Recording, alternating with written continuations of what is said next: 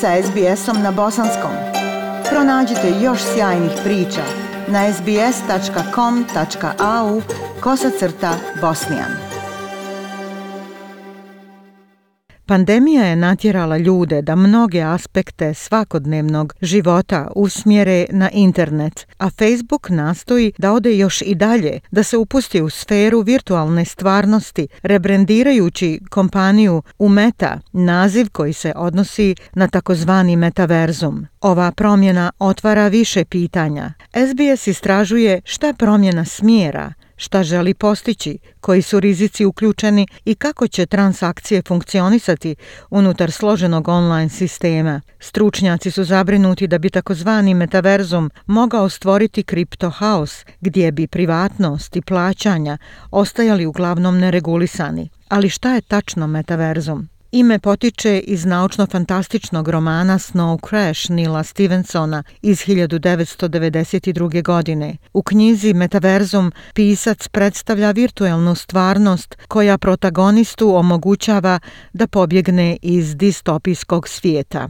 Izvršni direktor Facebooka Mark Zuckerberg obećava da će isporučiti online stvarnost koja se može pohvaliti mogućnostima. Imagine you put on your glasses or headset and you're instantly in your home space. Zamislite da stavite naočare ili slušalice i odmah ste u svom kućnom prostoru. Ima virtuelno rekreirane dijelove vašeg fizičkog doma, ima stvari koje su moguće samo virtualno i ima nevjerovatno inspirativan pogled na sve što smatrate najljepšim. Direktor financija Tehnološkog univerziteta u Sidneju, David Mikaelik, objašnjava kako bi to moglo funkcionisati. I think the best way to think about a metaverse is by thinking of uh, it as real estate.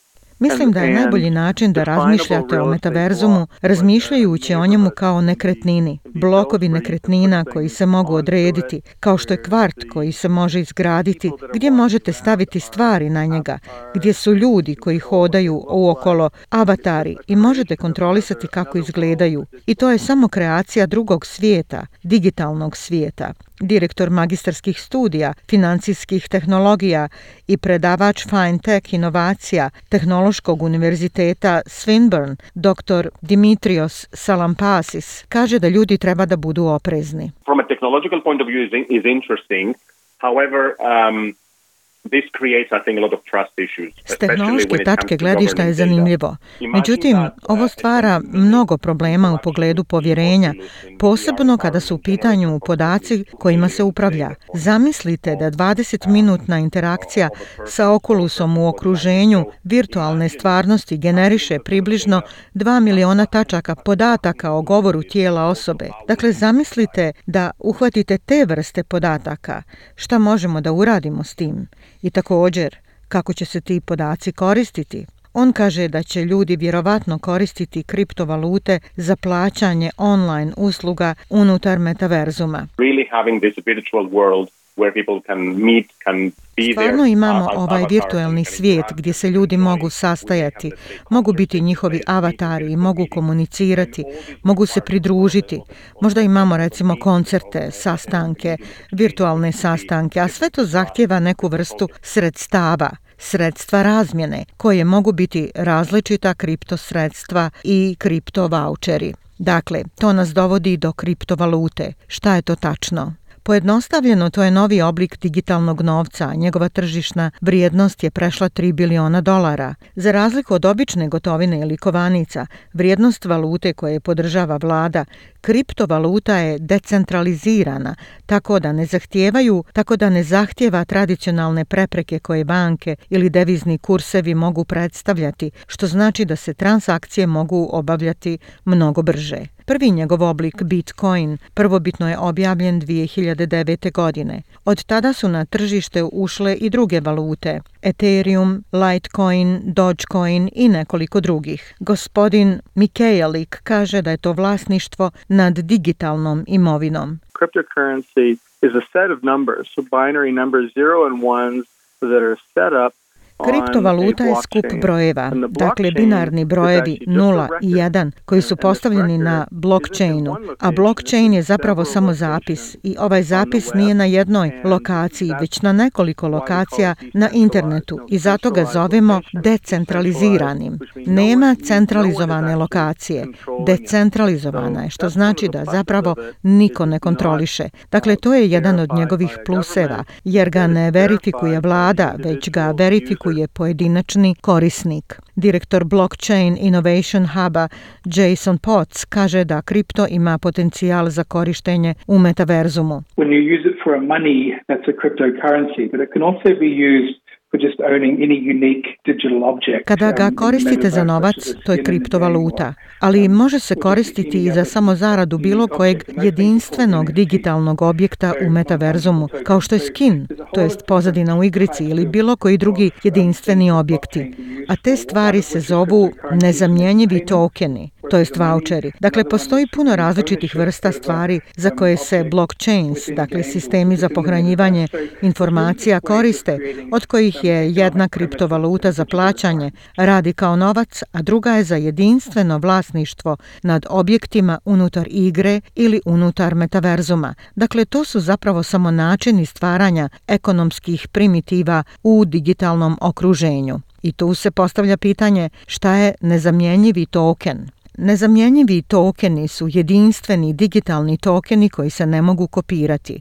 Oni čine dio Ethereuma, blockchaina, a u nekim slučajevima ljudi su ih kupili za milione dolara. Profesor Univerziteta u Sjevernoj Karolini na Bryan School of Business and Economics, dr. Nir Shetri, kaže da se oni mogu bolje razumjeti ako se uporede s tim šta je fungible token. Australian dollar they are fungible in the sense that you know uh, možda imate australske dolare. oni su zamjenjivi u smislu da znate. Nije važno koji god australski dolar imamo drugi australski dolar i oni su u osnovi isti. Znate da možemo lako pristupiti tome a to je zamjenjivo. A nezamjenjivi token znači da imamo stvarne stvari jedinične stvari koje nisu međusobno zamjenjive a token predstavlja upravo tu stvar kaže da bi se mogli primijeniti i u metaverzumu.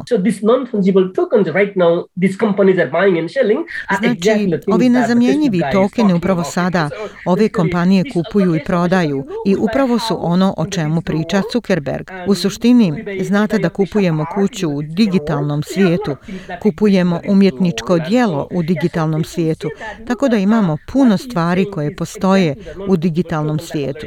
Neki ljudi kažu da je ono što on govori upravo non-fungible token koji već postoji, ali možda pokušava pretvoriti Facebook u nešto poput nezamjenjivog tokena sa vrstom iskustva koje ljudi dobijaju i to je ono što on želi da uradi. Ali zbog toga što je tehnologija nova, ne zna se kako će tačno funkcionisati Facebookov metaverzum i transakcije unutar njega. Poc kaže da potencijal za povezivanje unutar metaverzuma ima globalne implikacije. To me, what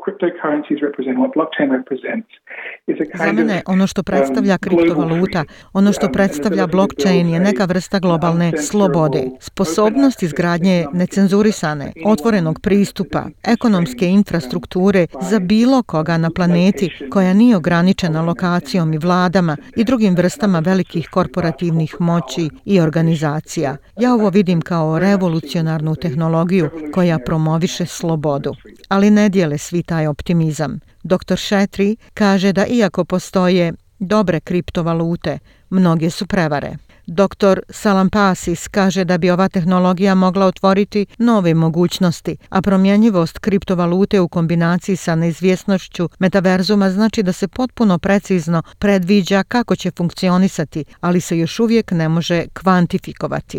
All these things are driven by the virtual world, so Sve te stvari pokreću virtualni svijet, tako da posebno kada je riječ o djeci, imamo posla sa maloljetnicima, to stvara dodatne probleme. Dakle, zaista moramo biti vrlo oprezni i nikako nije mi dozvoljeno da dajem bilo kakve finansijske savjete, ali ljudi moraju da budu odgovorni, moraju da urade procjenu kako treba i moraju da shvate da je sva ta imovina zaista nestabilna. Ja sam Aisha Hadži Ahmetović. Ostanite uz program SBS radija na bosanskom jeziku. like, share, comment. Pratite SBS Bosnian na Facebooku.